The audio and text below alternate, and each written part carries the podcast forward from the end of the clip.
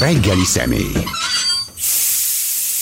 Bot Péter Rákos közgazdász, a Nemzeti Bank volt elnöke. Jó reggelt kívánok! Jó reggelt kívánok!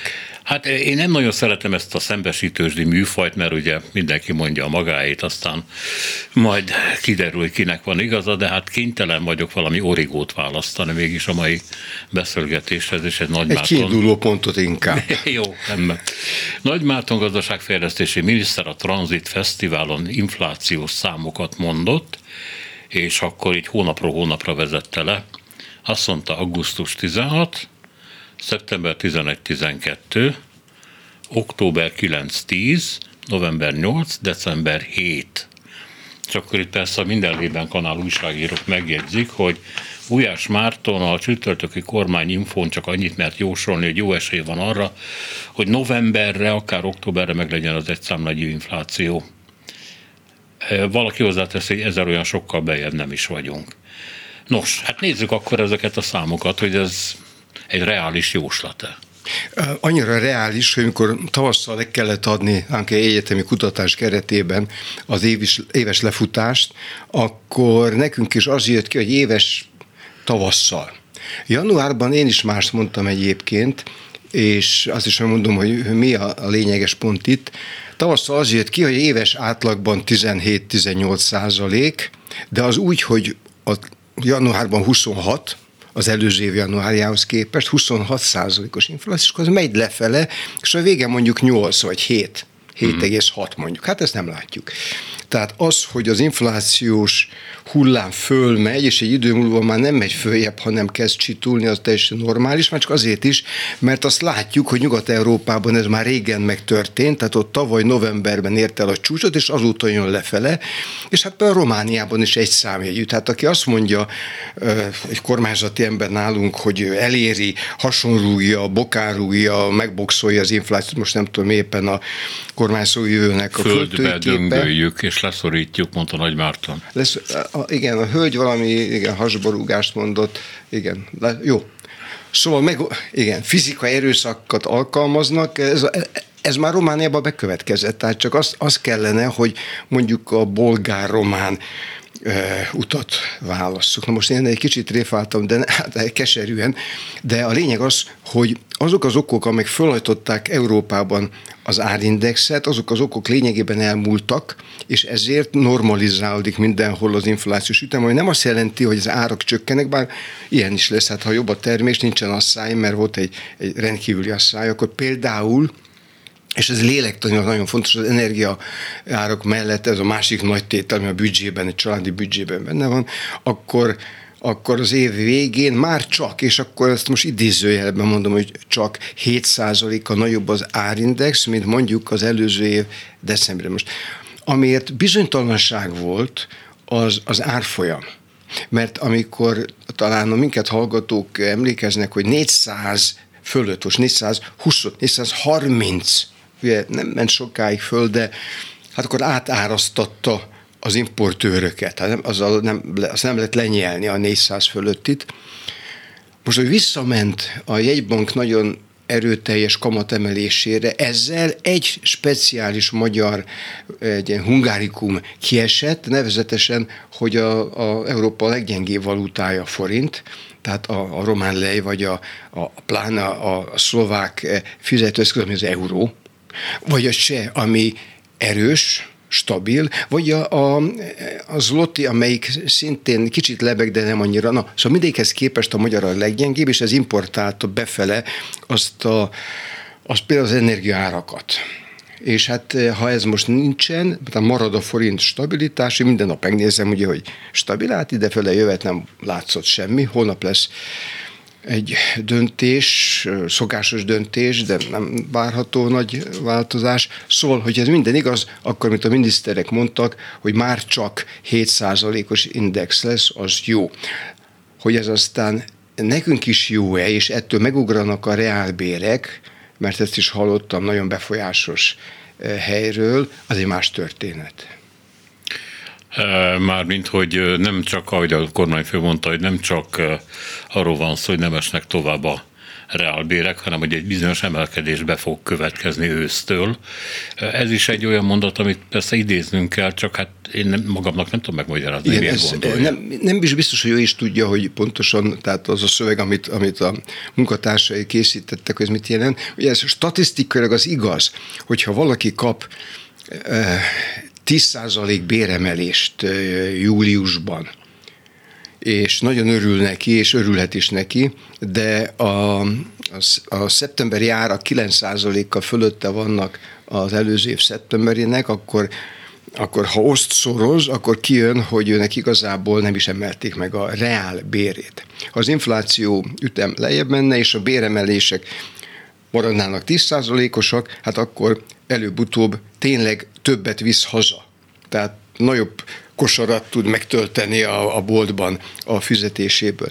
Csak hát ugye ez egy csupa ha, mert azt nem tudjuk, hogy amikor a gazdaság recessziós, most már negyedik negyedéve az, tehát lejjebb van a, a, a, term, a termelés, az output, a kibocsátás, mint a csúcs, akkor a cégek tudnak-e, akarnak-e, hajlandók-e készszámjegyű béremelést adni. Ez az infláció csökkenéséhez szokták mondani, hogy hát sajnos mögött egy csúnya dolog van, tudni, a kereslet visszaesése, mert az embereknek már elfogyott a Igen. pénzük, ugye sokáig a tartalékot pénzükből, és a legrosszabb befektetés volt, ugye élelmiszert vettek rajta. Ami hát azt jelenti, hogy egyszer elfogy, és akkor át kell állni egy csökkentett üzemmódra, főleg ugye a kisebb nyugdíjasoknak, de ha az infláció nem javul, akkor, akkor ezek a számok, amiket a miniszter mondott, hogy fognak beteljesülni?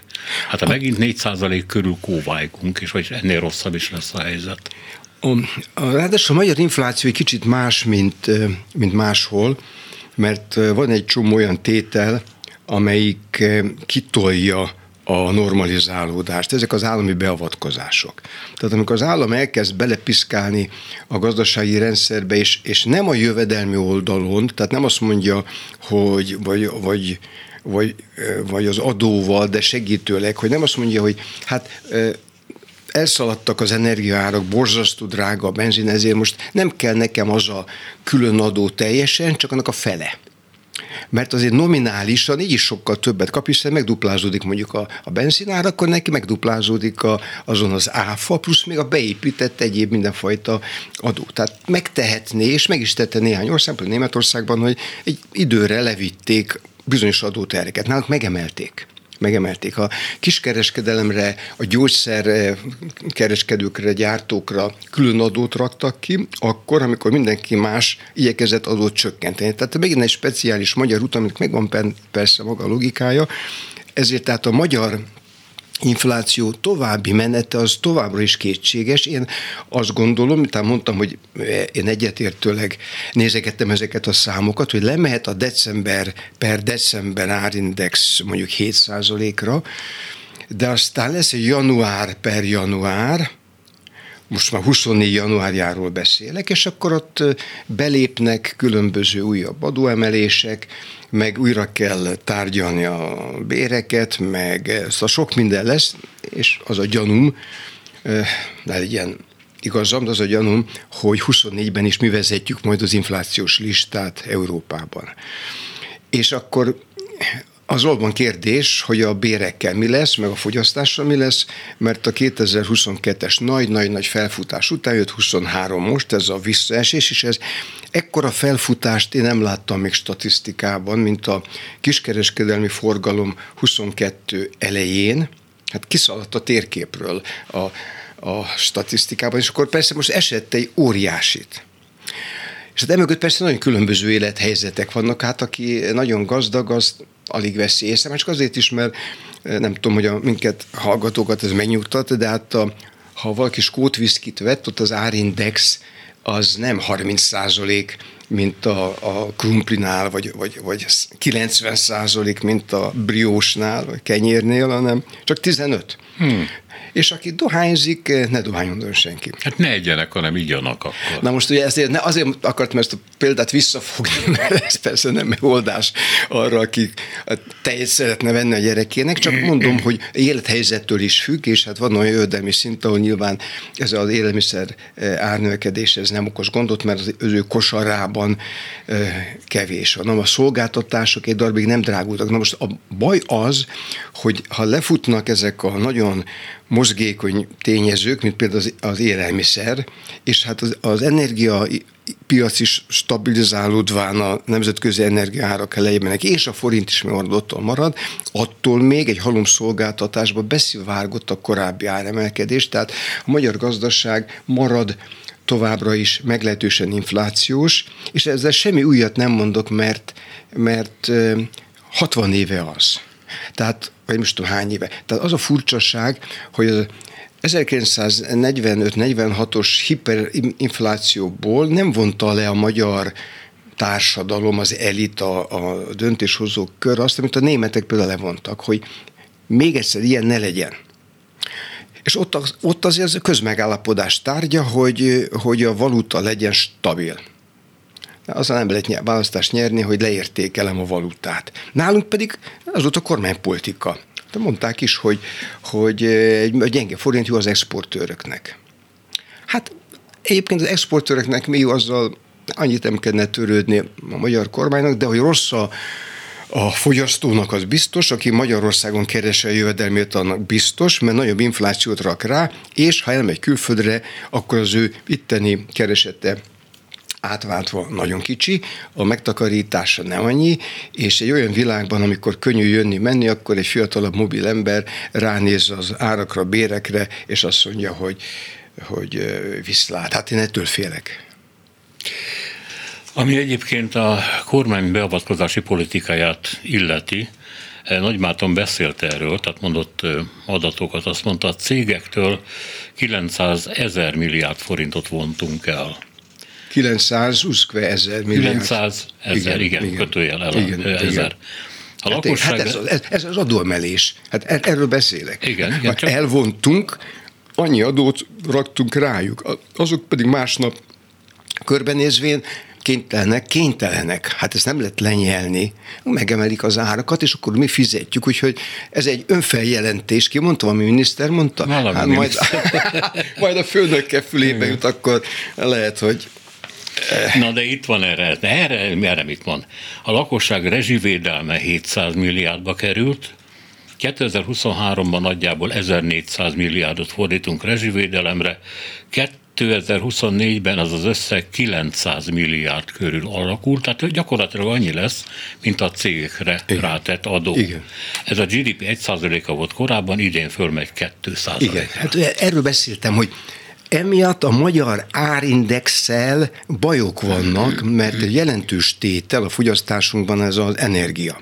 És erről, ugye szó erről szó, hogy a gázárak, amik brutális mértékben fölmentek a háború előtt, aztán a háború alatt, és utána, miután a magyar-orosz eh, szerződés, ahogy tudjuk, az a nemzetközi eh, tőzsdei áraknak egy valami elcsúsztatott átlaga, ezért azt megkapta a magyar adófizet. Megkapta Magyarország, és előbb-utóbb az adófizető, de a magyar kormánya jó indulatból nem mindent enged rá a piacra, ezért, hogy is mondta, a GDP 1-2 százalék, nemzeti jövedelem 2 százalékára rúgott szubvenciót ad valamit, valakinek valahogy, vagy közvetlenül, vagy közvetlenül, vagy a cégen keresztül. Miből? A költségvetésből. Mely költségvetést mi adjuk össze. Miből? Az adónkból, amit mi fizetünk be, SZIA, vagy pedig közvetve, amit áfa és egyéb formában befizetünk. Tehát amikor a, támogatja a kormányzat az energia felhasználók egy körét, egyfajta módon, ezt hívják rezsi, ugye, hát nem csökkentés, csak hát állami, állami energia tarifa valami lényegében, akkor szétteríti az adófizetők egészén, arra is pakol, aki egyébként nem fogyaszt annyi energiát, otthon, tudom én, rőzsével tüzel szegény, ő nem kap ebből az alapból, de hozzá kell, hogy járuljon a fenntartásához azáltal, hogy drágább az élete. Úgyhogy még ebben van egy szociálisan egészen valószínűleg abszurd is, ha valaki kiszámolja, a közgazdaságilag pedig, a, pedig merevíti a szerkezetet, és ráadásul még félrevezeti azt is, csak energiát használ, mert nem érzi egészen a bőrén azt, hogy mennyibe kerül, tehát például ezért az energia megtakarító magánberuházást félreteszi, mondván, hogy van jobb befektetési módja is. Na, Szóval nekem ez nem nagyon tetszik, de nem az a baj, hogy nekem nem tetszik, hanem ez egy teher, és, és a, ezért is mondtam, hogy ha ezeket felszabadítanák, vagy nem bírja föntartani a rendszer, mert túl sokba kerül. Talán azért is beszél róla a miniszter, hogy felkészítse a nagy közönséget, hogy hát nem lehet ezt a, ezt a mesterséges rezsi regulációt fenntartani, hát akkor, akkor jönne egy, vagy egy ár emelés az energiafronton, vagy további adók. Mind a kettő nyomja fel az árindexet. Na, ezért az ember egy kicsit pessimistán néz a következő év elé, úgyhogy nem hinném, hogy a magyar árstabilitásnak ki, ki jelentett 3%-os inflációs szint, ami szerintem infláció, de mindegy, a Nemzeti Bank azt mondja, az úgy jó, hogy azt el tudjuk érni jövőre vagy azután. Tehát marad, marad ezen a európai mércével mérve meglehetősen inflációs pályán a magyar gazdaság. Spanyolországban 3% az infláció, és ezt az emberek túlzásnak tartották, és nem álltak ki annyira a szocialista koalíció mellett, mint kellett volna. Jobb oldal se győzött, ez más tészta, csak mondom, hogy nem, nem rendültek meg ettől, hogy ez milyen nagy dolog. E, e, mi lenne egyébként, most fölvetett, hogy ezt abba kéne hagyni, mi lenne, ha most a kormány azt mondaná, hogy hát 180 fokos fordulat, egy U-turn következik, és mindent abba hagyok, minden sapkát leveszek, minden pluszadót visszavonok, és azt mondom az embereknek, hogy gyerekek, hát fűtsetek, ahogy tudtok, aki nagyon szegény, majd támogatom. Igen, hát ez tulajdonképpen így indultunk annak idején 30 éve, hogy lesz egy piacgazdaság, ahol ahol a költség az költség, annyi, amennyibe kerül, mert ha valaki azt gondolja, hogy nem fizeti meg a teljes költséget, akkor előbb-utóbb valaki más meg fogja fizetni, akár ő, akár a, gyere, akár a gyereke. Az eladósodás is azt jelenti, hogy nem fizetünk meg minden költséget, de az adósság, és itt ugye adósságot növelő tényezőkről volt szó, azt akkor rámarad a következő generációra.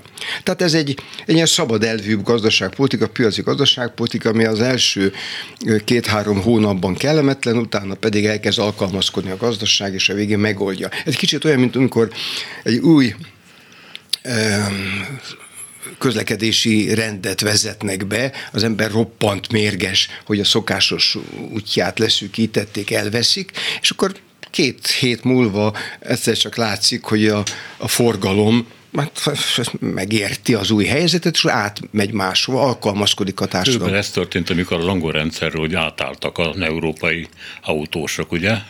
Igen, hát nyilván Három az első nap... mindenki szembe ment egymással. Igen, első nap gond van, aztán utána, aki belenő ebbe, az pedig annak ez a természetes. Tehát ezért azt gondolom, hogy a piacgazdaságot nem vissza kellene csinálni. Most, most az a furcsaság, hogy eh, tulajdonképpen már 2000 nyolc után megindult, és a, a, a következő Orbán kormány, mert volt egy első, amit én közelebbről ismertem, még Orbán eh, fiatalemberként eh, volt miniszterelnök, és akkor még volt, eh, volt piacgazdasági, hát voltak olyan miniszterei, meg volt egy piacgazdasági hangulat, de aztán más következtetést vont le, azt gondolom, hogy a történésekből, és itt a 2007-es 8-as válság, az tényleg megzavarta a fejeket, és arra választ kellett adni, mert azért az, az meg, megrázta itt a széleket, a perifériát, a peremvidéket, de rossz választ adott. Én úgy látom, hogy visszafele lépeget.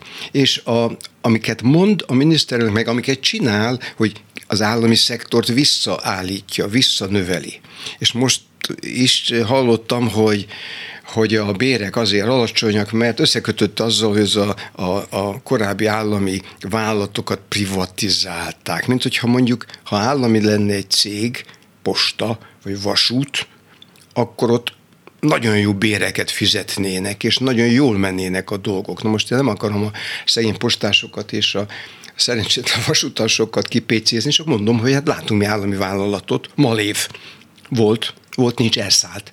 Tehát ezek, ezek, ezek nem tudtak garantálni, és a, a, a, a, a bérnek, a jó reálbérnek a, az igazi közgazdasági alapja a jó termelékenység. Na, arról tessék gondolkodni, hogy hogy lehet egy ország termelékeny. Akkor majd, ha termelékeny, akkor megoldja a a bér problémát. Tehát itt nem az inflációval kell játszani, meg a minimálbérrel kell, pláne választás előtt játszogatni, hanem azt kellene elérni, hogy egy ország termelékeny legyen. És akkor látjuk, hogy országnak a termelékenység, mint Észtországé, fölfut vagy egészen meghökkentő, de hát nagyon messziről induló, lentről induló országok, mint a Románia, a termelékenységi mutatói elkezdenek, mondjuk ott vannak speciális tényezők is, fölfele, persze minden országban vannak speciális tényezők, szóval megy fölfele, akkor, akkor előbb-utóbb a, a bérek is elkezdenek nőni. A nyugat-európai országok termelékenyek, és hát nem véletlen, hogy a világ jövedelmi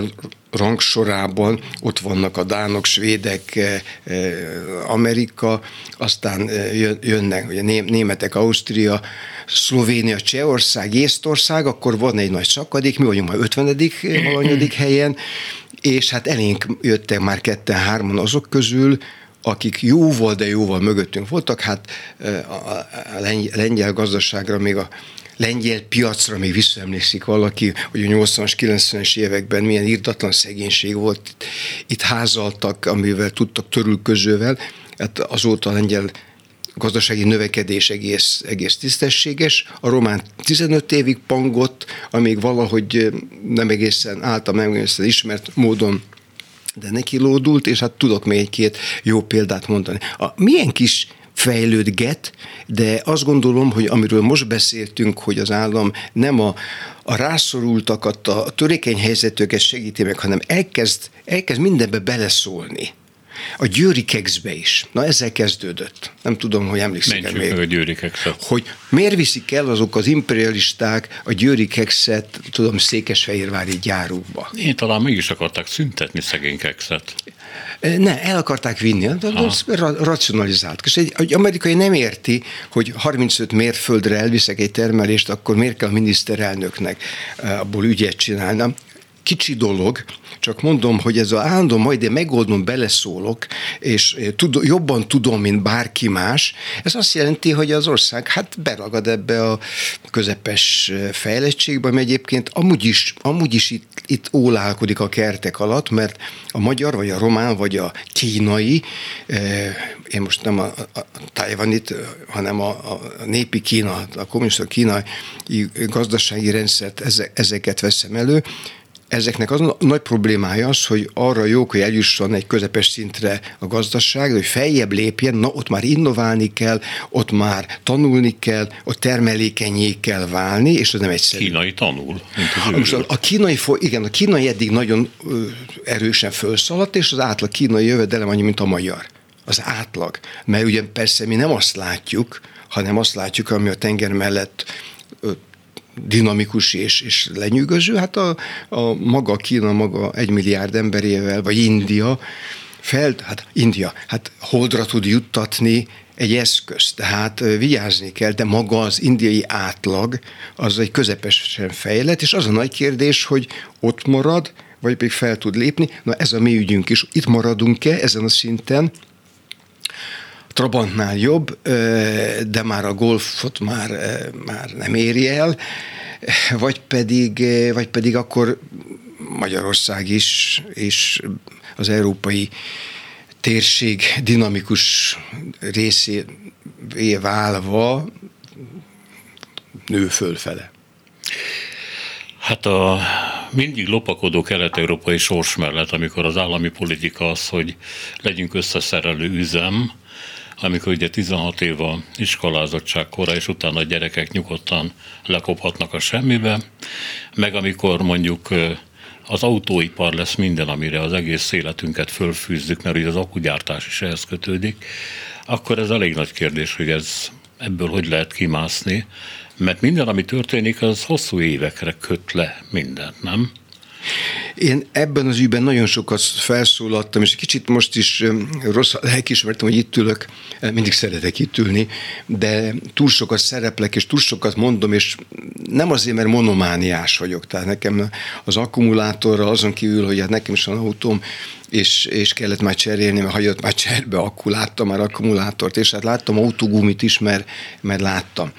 És mint volt ipari miniszter, én nagyon büszke is vagyok, hogy olyan, olyan kapacitások jöttek a 90-es évek elején Magyarországra, még nagyon-nagyon kellettek. Hát a, a Ford vezetővel tárgyaltam annak idején, és akkor ugye Székesfehérvárra oda települt egy jelentős gyár, aztán Suzuki úrral tárgyaltam, még annyira jó, jó hangulatú volt, hogy a végén föl is ajánlott, hogy legyek a vezérigazgatója Na. a gyárnak, de hát akkor már a MNB elnöke voltam, és hát udorjasan, de elhárítottam. Bár megnéztem a Hamamatszui gyárat, és tényleg lehetett látni, hogy, hogy ez, ez nagyon kell nekünk ez a technológia, és amikor Antal József miniszterelnökként azt az Opelt legördítette, akkor a mi autónk az volt ráírva. Majd pedig egy más miniszterelnök ugye már egy másik autógyárat avatott, és más autókat Kecskeméten, és még jöhet a BMW, most nem tudom pontosan már, már működni kellene, de hát lehet, hogy kicsit lelassultak a folyamatok.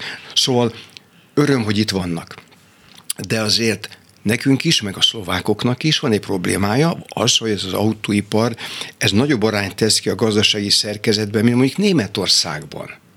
Hát ott is fontos az autóipar, de fontos a vegyipar, a gyógyszeripar, a bankszektor, a élelmiszergazdaság. Hát ugye föl tudnánk sorolni kiváló német termékeket a teljes spektrumban. Úgyhogy ez, ez inkább probléma akkor is, hogyha itt minden rendben menne. De most, amit említett, ez az akkumulátor gyártás, annak itten összeszerelés, ez egy borzasztó dolog, mert, eh, mert nem ránk van kitalálva, és, óriá, és általam nem ért érthető okok, mert óriási pénzeket rak bele a szűkös költségvetésből.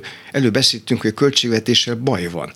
Abba abba öntik a pénzt, mely pénz ugye a, a mi vállunkat nyomja majd, és folyik ki a pénz részben energia ö, számla támogatásra, nem mindig szerencsés módon, egy halom presztis beruházásra. Na, ugye most ezt nem hozom szóba éppen egy világbajnokság után, örüljünk annak, hogy hogy rendbe és sikeresen lezajlott, de azért, azért a mögötte levő gazdasági terheket nem fogjuk elfelejteni még a következő 30-40-50 évben.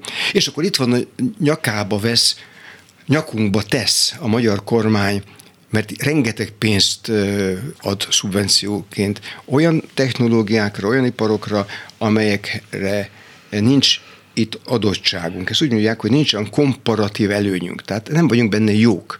Meg lehet csinálni? Hát meg lehet, az acélgyártást is meg lehetett csinálni az 50-es években, mert háborúra készült az ország, meg azt mondták, hogy muszáj, és akkor a rudabányai, hát nagyon gyenge minőségű ércet kibányázgatták, és akkor a kokszolható szennet kokszolgatták, de abból nem lett nagy siker. Viszont a ruda, rudabányai majomlelet a sokkal több, ezt legalább megtalálták a bányákban. Igen, szóval igen, olajat is most ugye föltört vecsésnél egy kis olaj, de erre erre idehozni egy energiaigényes iparágat, ez, ez, ez, ez, ez értelmetlen. És, és most ezért én elnézést kértem, sokat szereplek, de miután én azért láttam eh, már a 70-es olajválságot, és láttam, hogy 73-as, akkor még egyetemista voltam, 79-esnél már, már kutató voltam, és mikor én most egy könyvet írtam, és megjelent szabad egy reklámot idehozni a gazdasági fejlődés és tudás témájában,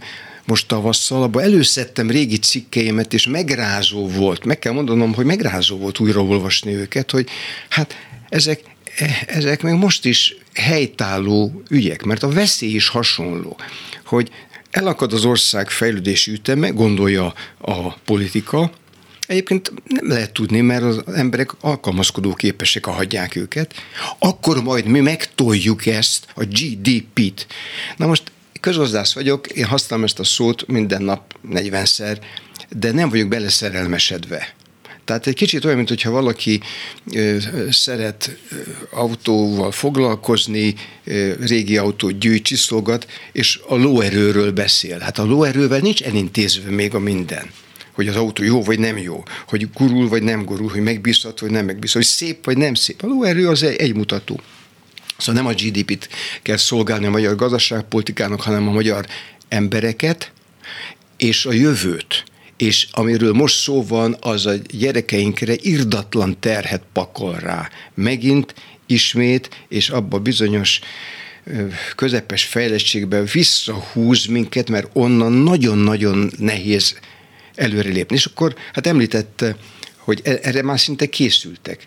Tényleg 16 éves korban valaki odaállhat mondjuk operátornak egy ilyen gyárba. Hát 12 órát kell állnia, a mai tudásunk szerint egy kínai, koreai hát van, aki kibírja, van, aki erre szocializálódott, de hát én megnézem azt a szülőt, akinek az a vágya, hogy a gyereke majd ott fogja az életét leélni. És hogyha ezt a, ezt a jövőképet végig gondolja a szülő, akkor egyéb más gondolatok is támadhatnak, hogy tud ennél jobbat, és ha itt nem találja meg, akkor majd a gyerek máshol fog boldogulni. E, az úgynevezett hozzáadott érték előállítása meg Magyarországon szinte lehetetlen lesz, hiszen nem lesz olyan munkaerő, ami kellőképpen képzett. Szóval, hogy baj van a, a költségvetéssel, és a kormánynak pénzt kell csinálnia. Ennek van egy útja, a brüsszeli pénzek megszerzése, ennek van egy ára, az, hogy a bizonyos e, jogállami mechanizmusokat újra aktiválni kéne visszaállítani, erre a rendszer nem hajlandó, pontosabban Orbán Viktor nem hajlandó, mert úgy gondolja, hogy a rendszer, ha valahol megbomlik, hát akkor ott lugból szakadék lesz, és lehet, hogy van ebben igazság. Ami engem nem érdekel, hogy mit gondol, csak mondom, hogy ez valószínűleg így van, tehát lehet, hogy ezek a pénzek most már elszálltak. De pénz kell a rendszer működtetéséhez, mert abból áll, hogy tulajdonképpen el kell tartani néhány tízezer olyan embert, amelyik ezt a rendszert a vállán viszi. Nem kevés pénzből. És akkor jönnek az állampapírok, jön az eladósodás, jönnek a szokásos varázslatok, meg hát honnan lehet, vagy honnan szoktak kibányászni pénzeket, hát az oktatásból, az egészségügyből, a szociális ellátásból látjuk ennek a nyomait, ez folyik nem látom, hogy azt a közönség észrevenné, és mondjuk a népszerűségi adatok vagy népszerűtlenségi adatokkal honorálná. A egészségügynek a, a ügye az már nagyon régóta látszik, a makroadatok világosan mutatják, hogy az európai vagy az OECD átlaghoz, tehát a hasonló helyzetű, méretű, fejlettségű országoknak a listáját végnézve, például az egészségügyre sokkal, de sokkal kevesebbet költ, de már egy évtizede a magyar kormány a költségvetésből, mint az európai átlag. Az oktatásnál nem annyira feltűnő, ott körülbelül átlagos, ott a belső struktúrája nagyon különös, és most én, mint tanárember, most ezt a témát kiadjam, hogy hogy ne ugye hazabeszéljen az ember, de valóban van egy, egy nagyon nehéz helyzetű költségvetés, amit eddig azért mindig kisegített az, hogy az elmúlt 15 évben a nemzeti össztermék 2-3 százalékára rúgott az a nettó többlet, amit az uniós befizetéseink fölött kaptunk. És a két-három százalék, ez rengeteg. Hát a katonai költségvetés az egy százaléka, mondjuk 1,2 a 0914, hát ebben mozgott az elmúlt években, tehát kétszer annyi, mint a katonai költségvetés, rengeteg pénz. És ez, ez azért sokakat, sokakat tett tehetőssé. Itt nem tízezer emberről van szó, itt azért egy, egy millió ember úgy érezhette teljesen jogosan, hogy ő az elmúlt egy évtizedben előbbre került. Hát a kocsiparkon is lehet látni, azok az autók, amelyek ott elhúznak mellettem, eh, hol jobbról, Jó, de ezek hol nem nagy tulajdonos, hanem olyan középosztályi ember, akit jól megfizet az a réteg, amelyik igen, igen, de azért, igen, tehát azért ez, sok pénz. Csak mondom, a, akinek földje van, akkor az uniós földalapú támogatásból kap. Tehát nem is szoktak panaszkodni a, a, a gazdák. Már nagyon régen volt, hogy feljöttek traktorral, és, és itt nem is szabad egyébként most már behajtani állítólag. Na mindegy. Ez most csak azért hozom ide, hogy ez a rendszer, ez működött, de ebbe bele volt építve az, hogy többletpénz jön az Európai Unióból, és az is, hogy közben termelékenyebbé válik a magyar gazdaság, tehát ha mondjuk már termelékenyebb lesz, akkor nem is kell a nettó haszonélvezőnek lennünk, mert hiszen azért Magyarország azért ilyen nagy nettó haszonélvezője a büdzsének, mert hogy szegény.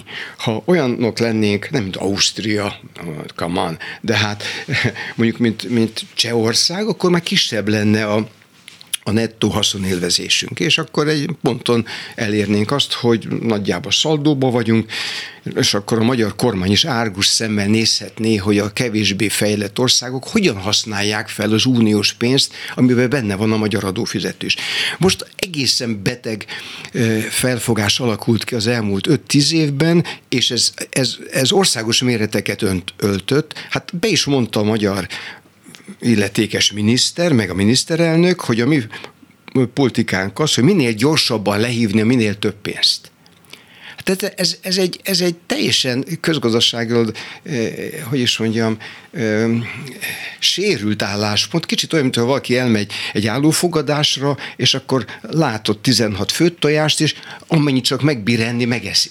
E, e, egyen kettőt, de eh, mindenfajta káros következményei lesznek. Tehát nem arra megy a dolog, hogy minél több pénzt kiszívni a büdzséből, hanem hogy azt a pénzt mibe teszi mert azt azért adják, hogy felzárkózzon, és ez a felzárkózás Magyarországon elakadt. Erről beszéltem, hogy van, akik azért mögöttünk voltak, elénk kerültek. És nem azért, mert kiszívták a rengeteg pénzt, és aztán rakták, amibe kellett. Na most a tetején látjuk a, a óriási beruházásokat, amelyek presztis beruházások, és akkor lehet mondani, hogy, hogy hát van valami értelme haszna, és akkor látjuk, akkor egyre lejjebb megyünk, akkor a lombkorona szemlélő beruházást, az, az, az csak 60 millió az nem 360 milliárd, csak 60 millió, de azért ki kellett vágni egy erdőt, és építettek valamit, arról mindenki tudja, aki építette, akinek építették, az egész arra ment, hogy ez unió fizeti, hát eh, az a bamba német, eh, meg svéd, meg osztrák, hát eh, ugyan már. Na most ez, ez elterjedt, tehát itt a, az, a, az ostobasság az, az anyagi erővé válik. Nem tudom, Lenni mondta, hogy a tudás anyagi erő, hát a, tudatlanság is, kérem szépen. Úgyhogy el vagyok keseredve, de a, a kérdés, vagy a, a probléma az, az, az drámai, mert eh, ha a magyar kormányzat nem akarja teljesíteni azokat a feltételeket, amelyeknek a, egyébként a teljesítésének az ígéretével is, és hát akkor még felmutatással bekerültünk az Európai Unióba, akkor nem csupán arról van szó, hogy valóban nem jön a pénz, és akkor azt pótolni kell valamivel, ami nagyon nagy baj, hanem az is, hogy hát akkor alapvető kérdések merülnek fel, hogy oda tartozunk-e a klubba. Ezért én nem, én azt feltételezem, és nem ismerek pláne eh, pláne amikor nem magam vagyok más feltételezni, hogy előbb-utóbb a magyar politika teljesíti ezt. Na most ebből indul ki minden hitelminősítő. Mindenki ebből indul ki, mert hogy ez a racionális az ország szempontjából. Lehet, hogy nem így lesz, akkor ez egy másik beszélgetés tárgya, vagy trágya, mert ugye ez egy borzasztó, akkor egy borzasztó helyzet van, és ezt nem is akarom előre gondolni. Az viszont elképzelhető, hogy itt valamilyen kompromisszum lesz, mert azért lássuk be, az a pénz oda van téve. Az, hogy a magyar gazdaság ne váljon ennyire energiafüggővé, hogy azokat a felújítási pénzeket, amelyeket félretettek, energiatakarékosság, digitalizálás, oktatásfejlesztés, ide akarják adni. Azt nem adták senkinek, nem adták oda az ukrán lőszerre, az egészen más, az ott van. És mi áll közte a pénz és mi közöttünk? A kormány. Tehát ezért én nem tudok mást mondani, ha aki kérdez, hogy a kormánynak, a, ha, ha fontos a magyar nép, akkor, akkor végezze el a munkáját. Hogy ez a mostani emberekkel e, mind megye, nem. Tehát, de hát azért bizonyos cserék már megindultak. Hát azt gondolom, az igazsági miniszter e, asszony, igazsági miniszter asszony, aki a tárgyalásokban részt vett, és, és, e, és ezek a ezek a jogi, jogállami ügyek láthatóan nem mentek, ő, ő most máshol hol van, és el tudok képzelni egy-két szemét, akinek a távozása szükséges. Akár az egész struktúrának a, a távozása vagy átalakulása szükséges, hogy bekövetkezik, azt nem tudom, hogy ezt ki kényszeríti a, a, a magyar nép a, a választásokon, ez, ezt nem tudom, mert ez egy egészen más téma, azon kívül azt gondolom, hogy, hogy itt nagyon fel tudnak gyorsulni az események, mert a választás messze van, amiről mi beszélünk, az pedig hónapok kérdése, hát ott nem oldódik meg ez az ügy, akkor, akkor a, a magyar pénzügyi helyzet egészen, egészen másképp fog kinézni, mert, és most ugrok a végére, azt az ingyen pénzt, azt a marsal segélyszerű pénzt, azt senki más nem fogja ideadni. Úgy érti, hogy sem Kína, sem az oroszok? Sem Kína, sem az oroszok. Sem a törökök? Sem a törökök, sem az különböző isztánok, melyeknek az egyfőre jutó jövedelme egyébként a magyar alatt van, és ezek az országok, ezek nem arra vannak kitalálva, hogy egy fejlett európai országot, ma az összemükkel nézve Magyarország fejlett. Mi 50 vagyunk, az egyfőre jutó jövedelemben, ezek az isztánok pedig a 70-es, 90-es szinten vannak. Szóval senki. Az Európai Unió, amelyik szolidaritási elven is működik, meg hát persze vannak anyagi érdekek, de a kettő együtt van. Ez erre így volt kitalálva, hogy a déli-keleti perifériát megtámogatja, hogy az egész az harmonikusabban tudjon működni. Mindenkinek érdeke, a magnak is, meg a, a peremvidéknek is. Ha innen kipottyanunk, vagy nem, nem, valószínűleg nem ez lesz, hanem, hanem nem vagyunk benne abba a klubba. Valaki egy osztályba jár, de a, nem állnak vele szóba, és nem hívják meg nem a hívják foci meg, meccsre, meg a, a igen, zsúrra Igen, után tudják, mennek. hogy van, tudomásul veszik, hogy valami oknál fogva ilyen, és hát így is ki lehet járni az osztályt. Beszéljünk valami vidámabbról, nem tudom, van- van-e még időnk, témán, kedvünk, vidámabb Vidámról. Most akartam, most akartam még fölhozni egy ilyen dolgot, nem vidám. Hogy tudnélik, eh, ugye ez a rendszer, amelyik hát ha nagyon finoman akarunk fogalmazni, és nagyon erősen központosított és hierarchizált, ez magában hordozza azt, amiről nagyon sokan beszélnek, egyébként közgazdászok is, hogy nő az inkompetencia aránya a gazdaságban, a politikában, a kultúrában. Ugye Paksot hozzák föl, Paksot annyi szakember hagyta el bizonyára megfontolandó okok miatt, hogy például az egyik vezetője az nem, nem, nem ért a, a atomenergiához, de úgy tűnik, hogy mégis alkalmas vezetőnek találták. Na most ez erősen emlékeztet, ha nem is arra, hogy 49-es fordulat után ugye jöttek a munkásgyári Bocsó, gazgatók. Bocsó Péter filmjére, Igen. Igen, A nem értett hozzá, de jó elvtárs volt, igen. hogy megpróbáljuk itt, ha nem válik be, akkor megy. Akkor áttesszük a ruhagyárba. Talán, igen, igen, talán, igen, Vidám Angol Parkba. Vidám Angol Parkba. Park, igen. Ta, talán ez nem, de itt, itt egy, egyiket említette ez a centralizáció, és azzal együtt járó lojalitás, és a lojális ember fontosabb, mint a, a szakember. Ráadásul hogy a szakember az időnként azt mondja, hogy nem. Hát attól szakember. Hát gondoljon bele a korábbi elnök, már köztársasági elnöknek a diplomájával kapcsolatos vitákra, akkor még az akkori egyetemek a saját étoszuk szerint jártak el, és azt mondták, hogy plagizált. Igen, igen, igen. igen. Igen. Ma már ilyen egyetem nagyon jó lenne. Remélem, remélem, hogy mindenki, aki döntési helyzetben van, az helyesen dönt. Nálunk is azért a egyetemen voltak ö, ügyek, és valaki a sarkára állt. Na, szóval civil kurázsiból én bírzom, de kétségtelen, hogy a centralizáció, és ezt tudjuk, az, az magával hoz olyasmit, hogy az a, az a jó elvtárs, az a jó ember, aki, aki a parancsot követi, és aki visszakérdez, meg más gondolatai vannak, aki innovál, az, az tényleg nem illik a csapatban, mert hát ő, ő, innovál. Úgyhogy az irányított rendszerek, és ezt láttuk a tervgazdaságban, én voltam katona, én is voltam uh, harc, mi is, mi is voltam gépesített lövész, magyarul gyalogos, aki időnként ugye felpattant egy, egy platóra. Úgyhogy megtanultam azt, hogy hogy működik az a rendszer, és az bizonyos körülmények között jó, innoválása nem nagyon jó. És most ugye erről beszéltünk, hogy feljebb tudunk-e lépni, és a, a, ha, ha nagyon centralizálják a rendszert, akkor nagyon nehéz feljebb lépni, lényegében lehetetlen. A másik, a, nem szereti a versenyt ez a szisztéma, és a magyar gazdaságnak az óriási hátulütője az, hogy nincs verseny. A, le van folytva a verseny, a, az uniónak megígérte most a kormány, az Európai Bizottságnak, hogy meg fogja növelni a, a több ö, pályázós tenderek arányát. Már önmagában ez önfeljelentés, hogy egy kormány azt garantálja, amit elvileg az életnek kellene garantálnia, hogy dőlnek a, a jobbnál jobb pályázók, ha van pénz.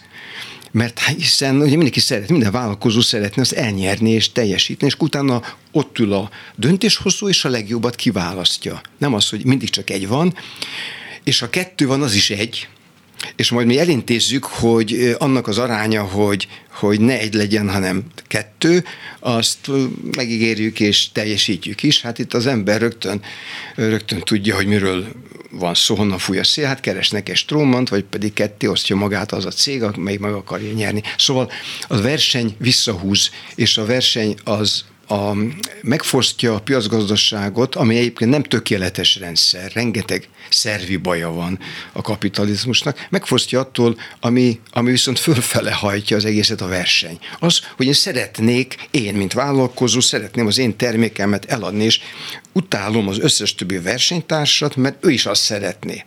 Ezért kitalálok valamit, amit ő még nem talált ki. És én előbb fölkelek, és azt bevezetem.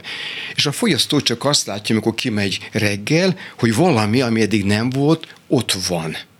Hát így működik a piacgazdaság, ez hajtja. Nos, ha valaki ezt a versenyt lefolytja, akkor darabig elműködget, csak hát ugyanazok a termékek vannak ott, esetleg gyengébb minőséggel, mert hát ha nincs verseny, akkor nem kelek fel olyan korán, jó lesz az úgy is, és akkor a internetbe beütöm, hogy jó lesz az úgy is, látunk olyan megoldásokat, amelyek eh, komikusak, ugyan elműködgetnek, de hát azért nem a, nem a csúcs technológia. A másik, amit ezzel kapcsolatban, hogy még tágabbra nyissuk egy picit ezt a, ezt a fókuszt, a, a társadalom mentális állapota, amivel kapcsolatban azt szokták mondani, hogy, hogy a magyar társadalom bizonyos minták után e, megint ott van, hogy lemond az önrendelkezés jogáról, és gyakorlatilag a szuverenitását odaadja a hatalomnak, azt mondja, döntsél rólam. Én nem akarok dönteni magamról, e, legyél jó hatalom, legyél nagyon magyar, természetesen, és én járjak jól.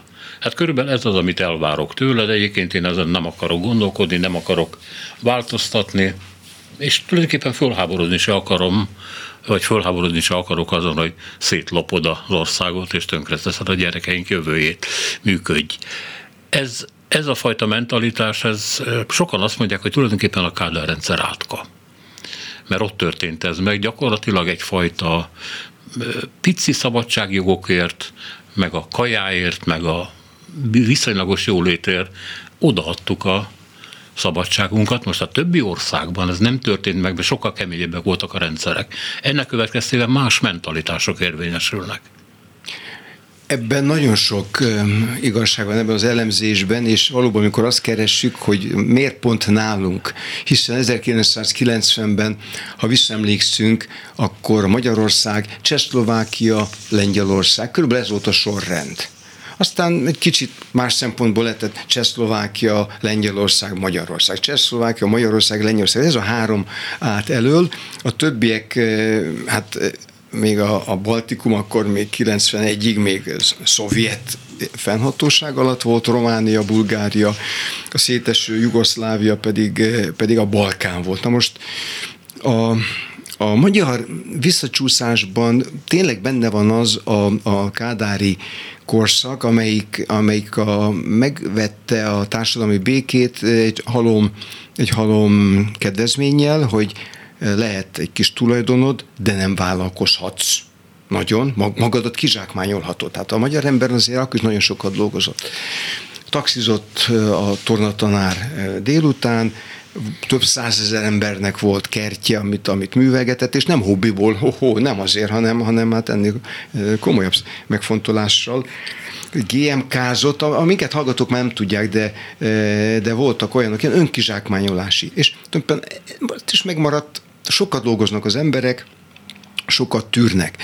És én azonban azért azt gondolom, hogy akkor se volt mindenki ezzel megelégedve, és most se hiszem, hogy a magyar társadalom mint olyan elkádárosodott, hanem az a réteg, amelyik eh, valóban elvárja az állami gyámolítást, bár nem nagyon hisz benne. Tehát a felmérések nem azt mutatják, hogy, hogy szeretik az államot, nem szeretik. A, a felmérések, és most nem ilyen, ilyen kormány által finanszírozott álkérdések, hanem a tényleg komoly felmérések azt mutatják, az emberek tudják, hogy tudják, hogy lopnak. Tehát a tudatában vannak. Ugyanaz a felmérés azt is mutatja, hogy nem fordul azonban ennek tudatában hatósághoz. De nem azért szerintem, mert jellemhibás a magyar, hanem egyszerűen teljesen racionálisan, miért, most miért fordulna a hatósághoz, hiszen a hatóság, mondjuk az ügyészség, Hát szerintem az ügyészség nyomozó ügyészek azoknak óriási dossziéjuk van. Hát azok azok tudják, amit tudnak, hát sokkal többet tudnak, mint mi ketten, mi csak sejtünk.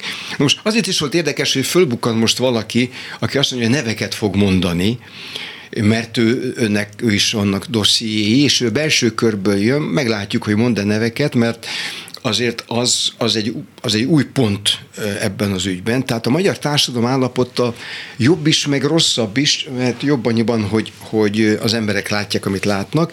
Na de, eddig igazából, miután jött a pénz, azt lehetett gondolni, és ez az uniós pénz jött, hogy hát bomba nyugatiak adják, tudom, hogy itt a, az a játszó tér ott a faluban az, az nem kerületett 40 millióba, hát az négybe került. Tehát azt is tudom, hogy a kivitelező egy szép nagy jippel jár azóta.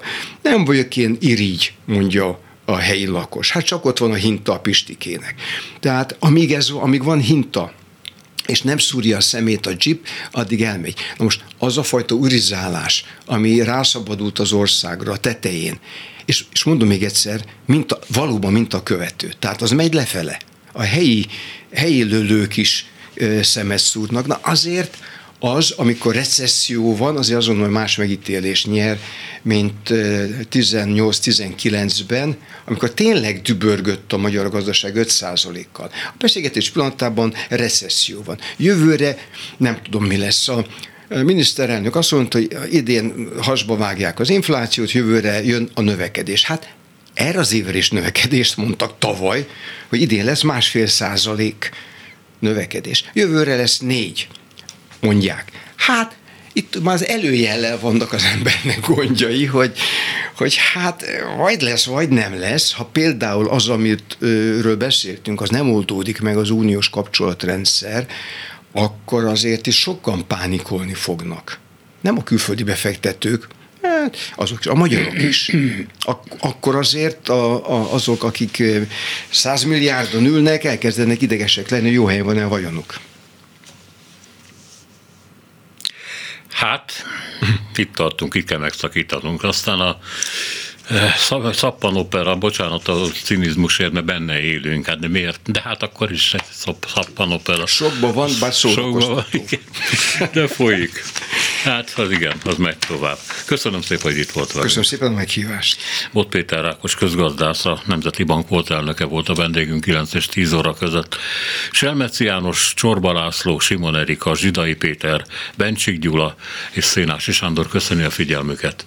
Minden jót!